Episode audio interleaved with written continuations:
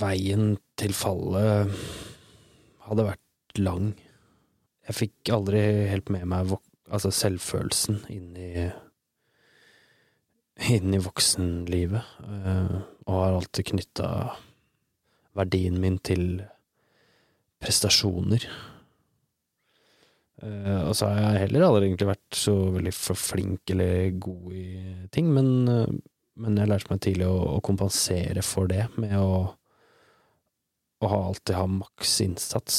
Og um, har lært å flytte grenser hele veien, og presse meg hardt for å Ja, for å få den følelsen av å være bra nok, på et vis. Uh, og etter hvert så ga det meg òg en enorm rus. Altså, den sterkeste rusen jeg har hatt, er den følelsen de hardeste treningsøktene har gitt meg. Um, så det er jo biokjemi inni bildet her som, som forklarer og en del av det. Um, men jeg hadde også, altså, blitt mer og mer opptatt av å framstå tøff. Um, udødelig. Og den følelsen vokste i takt med at jeg blei bedre og bedre trent, Uh, sterkere, og alle nedturene og alle skadene som jeg etter hvert hadde kommet meg tilbake fra og vunnet òg, følte at alt, alt det her var med på å herde meg. Eh, for å være ærlig så følte jeg meg etter hvert som et slags rovdyr som bare Ja, ingenting kunne stoppe. Men eh, innerst inne så lå det jo masse sårbarhet og ulma, som jeg da ikke var klar over, eller hadde forståelse for det, da.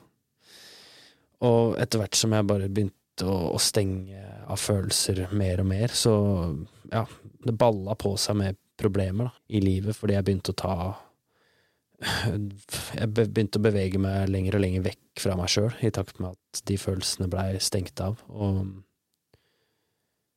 jeg prioriterte veldig feil i forhold til verdiene mine. Og den drømmen min om å komme inn i beredskapstroppen, den hadde gått fra å være ja, en drøm til å bli en, en destruktiv besettelse. Så totalt sett så førte det her til at jeg, at jeg løp fra meg sjøl og, og, de vonde tingene, og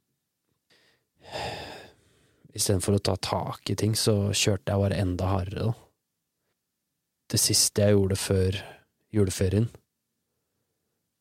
da i, i 2018, det var å dra på spritfylla.